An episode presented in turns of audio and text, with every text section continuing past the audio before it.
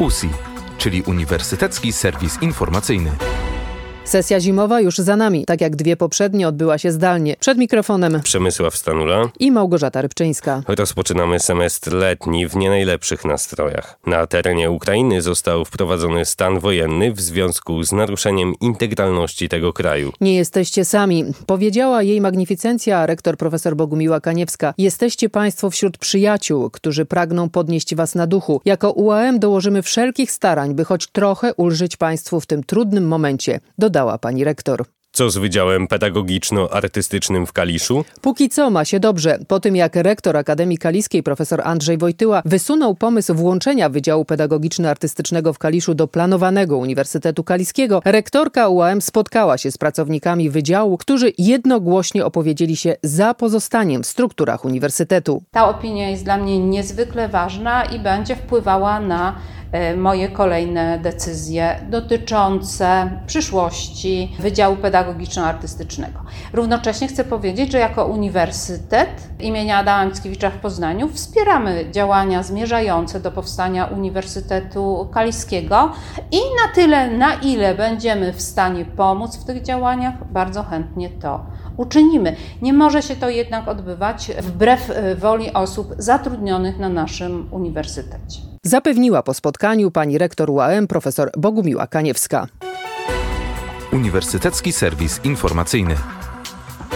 Swoimi tekstami uświetniał wszystkie ważne wydarzenia i sprawiał, że obdarowywani jego wierszykami i fraszkami przyjaciele czuli się wyróżnieni. Niestety, 1 lutego odszedł od nas profesor Bogdan Walczak, były prorektor UAM, a także były dziekan Wydziału Filologii Polskiej i Klasycznej. Był polonistą, slawistą i językoznawcą. Spoczął na cmentarzu na Miłostowie. W lutym społeczność akademicka miała okazję do przeżycia kilku radosnych chwil.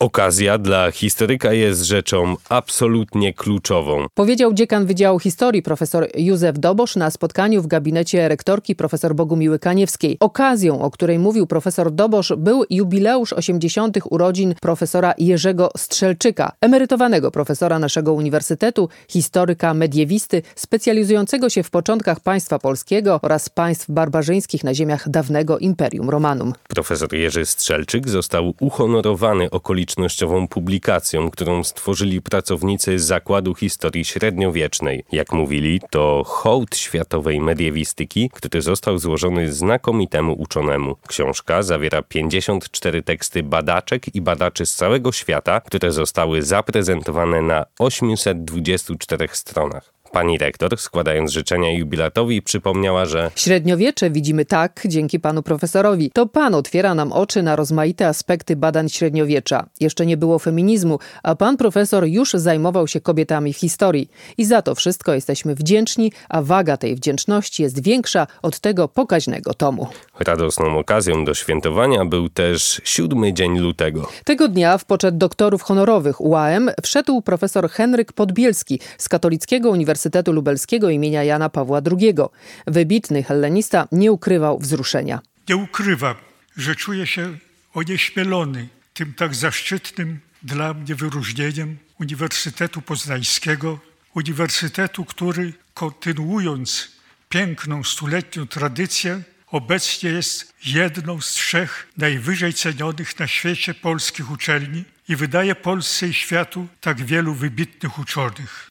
Jak podkreśliła pani rektor profesor Bogumiła Kaniewska, to właśnie profesorowi Podbielskiemu polska humanistyka zawdzięcza przekład i interpretację dzieł Arystotelesa, wielkiego fundatora europejskiego sposobu myślenia, a także wielu innych myślicieli starożytnych wywierających znaczący wpływ na dzisiejsze pojmowanie świata. Na chwilę przenieśmy się do świata kwantów. 4 lutego w poznańskim Centrum Superkomputerowo-Sieciowym podpisano porozumienie o powstaniu pierwszego w Europie Środkowo-Wschodniej hubu kwantowego. PCSS, afiliowane przy Instytucie Chemii Bioorganicznej Polskiej Akademii Nauk, dołącza do sieci IBM Quantum Network i wspólnie z polskimi naukowcami oraz IBM będzie rozwijać technologię obliczeń kwantowych i ich zastosowań.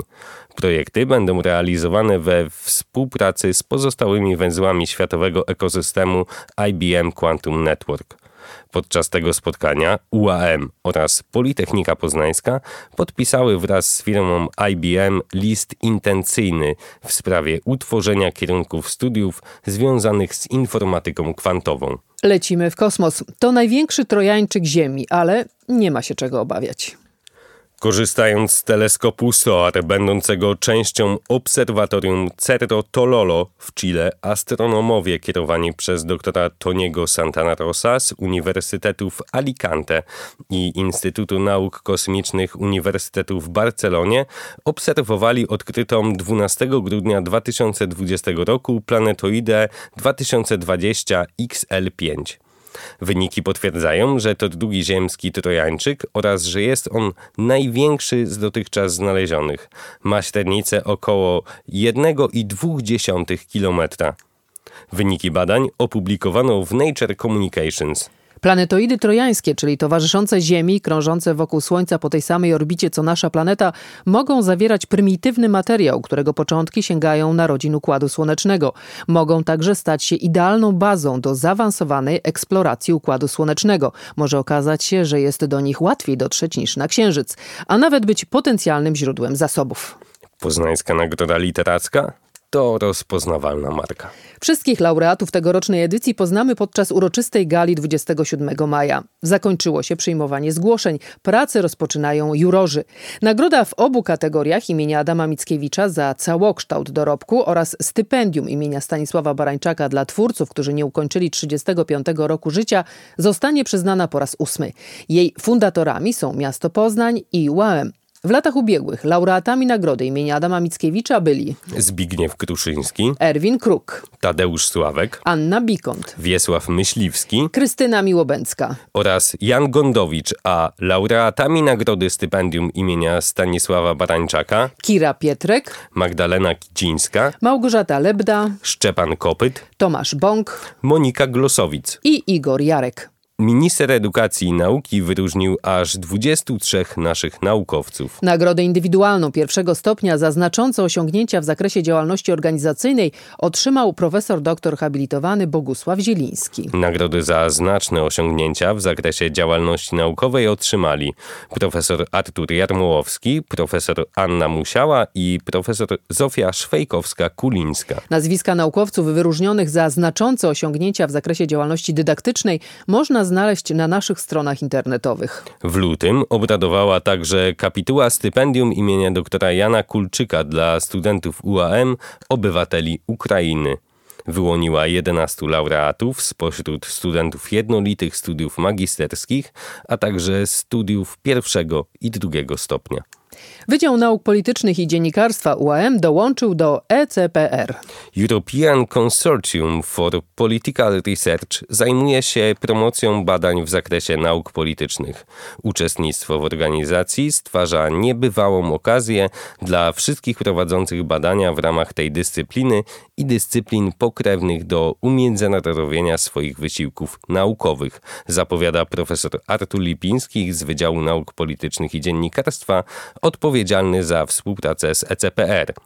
Oznacza możliwość pozyskania nowych kontaktów międzynarodowych, prezentacji wyników badań w trakcie wydarzeń organizowanych przez ECPR, w tym warsztatów, które mogą inicjować i organizować również pracownicy UAM. Co ważne, ECPR oferuje też szereg szkoleń i szkół letnich, gdzie można pozyskać czy pogłębić wiedzę na temat najnowszych metod i technik analizy danych, dodaje naukowiec. UAM zagrał razem z WOŚP. Obraz barwy nauki i sztuki namalowany przez rektorów i przedstawicieli poznańskich uczelni i jednostek naukowych, wystawiony na aukcję podczas 30. finału Wielkiej Orkiestry Świątecznej Pomocy, ma nową właścicielkę. Pani Patrycja Rąglewska odebrała obraz z rąk jednego ze współautorów, prorektora UAM, profesora Tadeusza Walasa. Praca powstała podczas inauguracji 24. Festiwalu Nauki i Sztuki. Obraz został zlicytowany za 1825 zł, które wspomogły tegoroczny finał WOŚP. Staram się wspierać WOŚP e, od początku, jak tylko mogę, ale nie ukrywam, że jak zobaczyłam e, na stronie uczelni informację, że jest taki obraz, to pomyślałam sobie, ja jestem troszeczkę taką duszą artystyczną, że po pierwsze niesamowita inicjatywa Poznańskiego Festiwalu Nauki i Sztuki, a poza tym właśnie ta moja dusza artystyczna, która zobaczyła, że no, tak zacne osoby zechciały namalować obraz, a to nie jest proste. Jeżeli e, nie jest się artystą, to to jest naprawdę wyzwanie. 22 lutego 2022 roku, godzina 22.22. To nie jedyna specjalna data w tym roku. Zliczając liczbę dwójek otrzymamy dwie dziesiątki, czyli dwa ważne dziesięciolecia na UAM. W 2012 roku swoją działalność rozpoczął Wydział Anglistyki. W 2021 roku Wydział po raz czwarty uplasował się na pierwszym miejscu rankingu kierunków perspektyw. Wydział Anglistyki znalazł się na szczycie podium w kategorii Filologia Angielska, a studia niderlandystyczne realizowane na wydziale znalazły się w grupie najlepszych w Polsce kierunków w kategorii Filologie obce, bez anglistyki i lingwistyka. Drugi ważny jubileusz przypadł w Międzynarodowy Dzień Radia. Radio Meteor, czyli studenckie radio UAM, ma 10 lat. Radio Meteor. Radio nie z tej ziemi. To już wszystko w lutowym wydaniu Uniwersyteckiego Serwisu Informacyjnego. W związku z sytuacją międzynarodową żegnamy się słowami profesora Macieja Franca z najpopularniejszego w lutym podcastu na naukowej dzielnicy. Ukraina była państwem atomowym była mocarstwem atomowym po upadku Związku Radzieckiego. Największe mocarstwa świata Rosja, Stany Zjednoczone, Wielka Brytania, Francja, a więc mocarstwa atomowe, zagwarantowały jej nienaruszalność terytorialną i integralność tego terytorium w zamian za to, że Ukraina pozbędzie się broni atomowej. I oni autentycznie wierząc tym państwom, zlikwidowali całą swoją broń atomową. Naprawdę oddali wszystkie głowice, zlikwidowali wszystkie wyrzutnie, nie ma broni atomowej.